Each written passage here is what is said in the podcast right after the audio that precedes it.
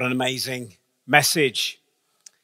And it was a story that reverberated and changed history. Um, there's a story told of um, in the depths of communist Russia when the powers that be were trying to stamp out um, this enthusiasm to continue to believe in Jesus as the risen Savior. Of course, uh, communism believed uh, in atheism, uh, there is no God, and uh, they were a little bit perturbed about the fact that obviously the deep rooted belief in Jesus as the risen Savior was sort of hanging on. How could they get rid of it? So they um, sent people out into the uh, factories to try and, through one of the Holy Weeks, just kind of tamper down this enthusiasm for Jesus, explaining about the glory of the state, uh, the importance of work, and the fact that actually collectively we'd done away with religion.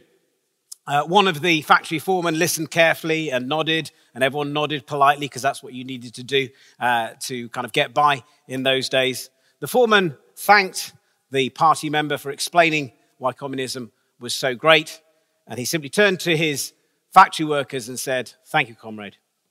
But the Lord is risen. And they responded, He's risen indeed. Hallelujah.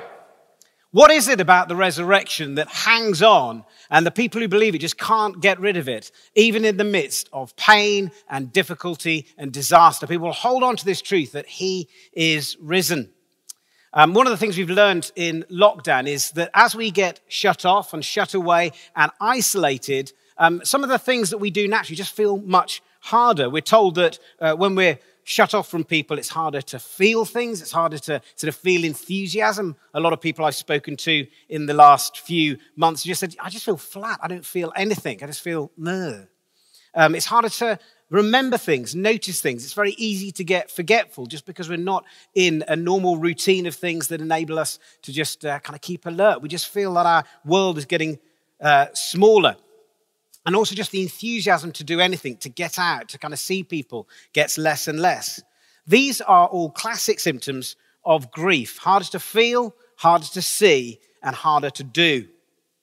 And it was those feelings that impacted the disciples on Good Friday, this um, catastrophe of grief hitting them as Jesus died on the cross. Good Friday was a day of despair, of defeat, and death. The heart had been ripped out of their faith and hopes. Jesus had died.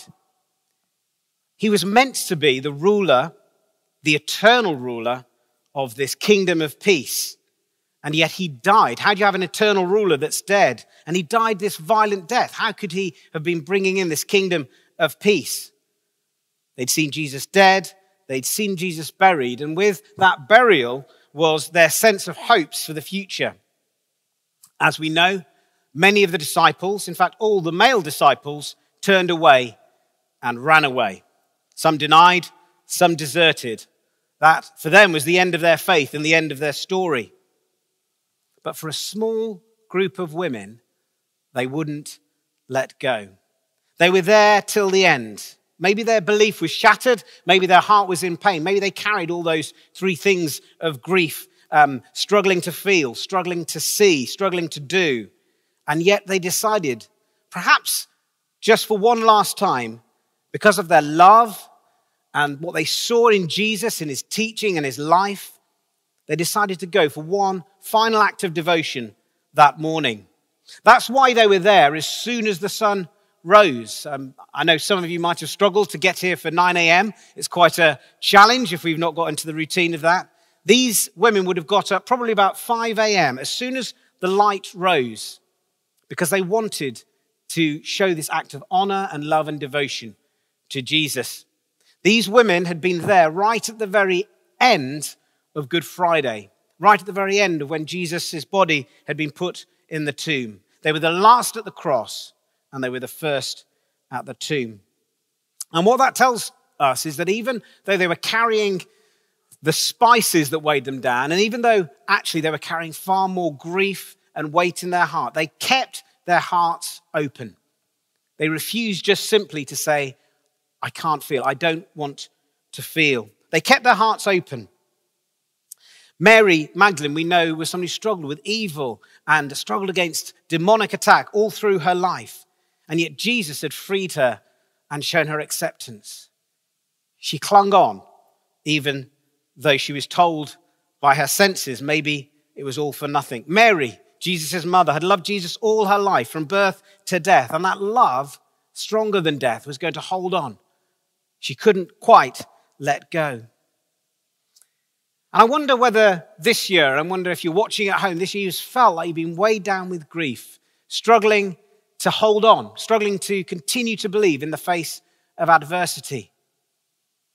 What does it mean to believe that Jesus is alive when so much of our world and our culture seems to be um, shut up and closed in and like death? Maybe you found your belief and understanding of your faith turned upside down. You've had to hold on through difficult times. And yet you're still compelled by the love and the life and the compassion of Jesus. These women had seen Jesus die, and yet they knew he believed it was a sacrifice. They even saw Jesus declaring forgiveness over his torturers and captors. They found that compelling. And so Mary and Mary kept their hearts opened. I wonder if our hearts are open to hear what Jesus wants to say to us today.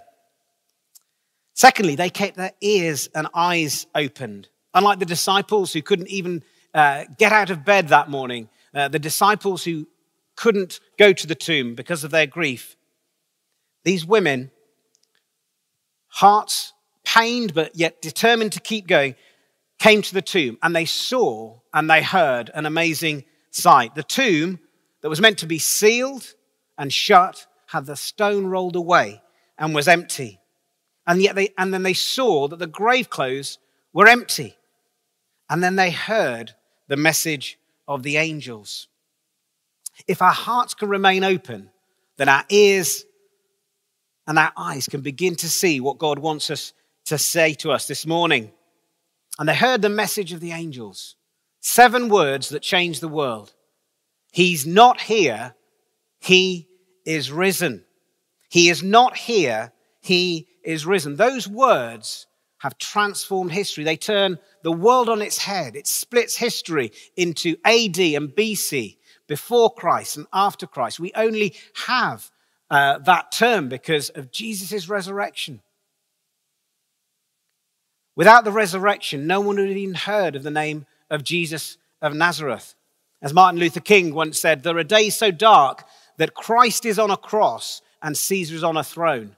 But three days later, everything changes so that even Caesar's reign can only be dated by that man who was crucified on the cross. Because he is not here, he is risen.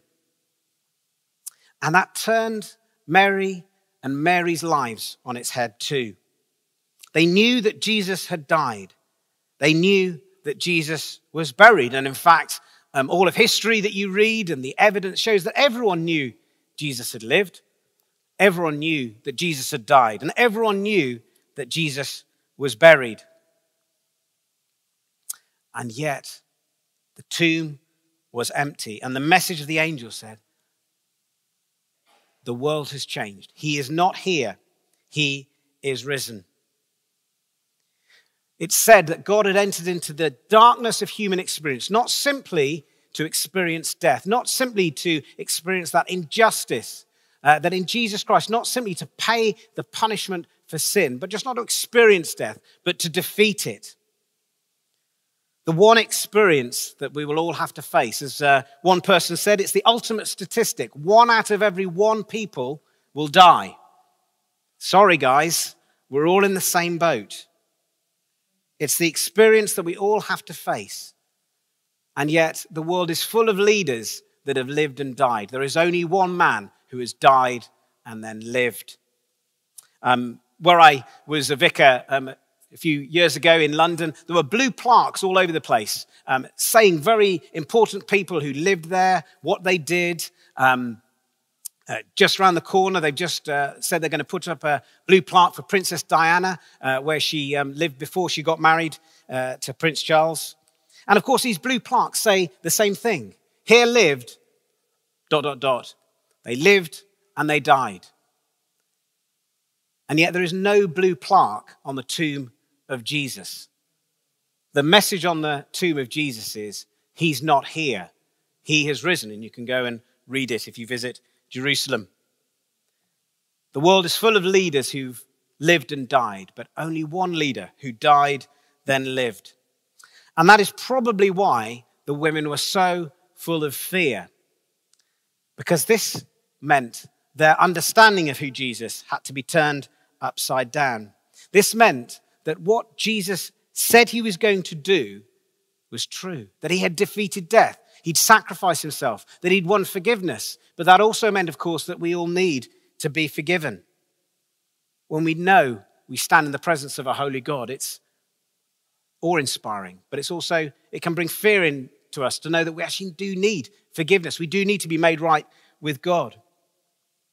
Mary and Mary realized, of course, that everything Jesus said was true, that he wasn't just a teacher, he wasn't just a rabbi, that he truly was the Son of God, the creator of the entire universe, come to live on earth, that they'd rubbed shoulders with divinity.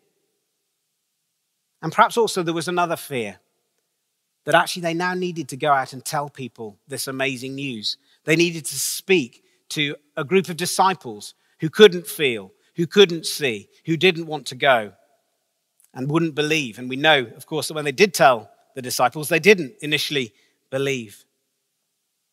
They knew they were going to face incredulity, but also they knew they were going to face opposition. The Jewish leaders, the Roman leaders, they were all desperate to ensure that this man, Jesus' life ended and the movement that followed him ended too. So they knew as they exited the tomb that day, the world had changed. Would fear stop them living in the light of the resurrection? And actually, the original version of Mark's gospel stops there. It doesn't actually continue, it finishes on a cliffhanger. What's going to happen? Uh, you can imagine if this was an episode of EastEnders, you now hear the drum roll. That's the EastEnders drum roll, just in case you don't know what that was. What was going to happen? Would the women stay confined in their fear?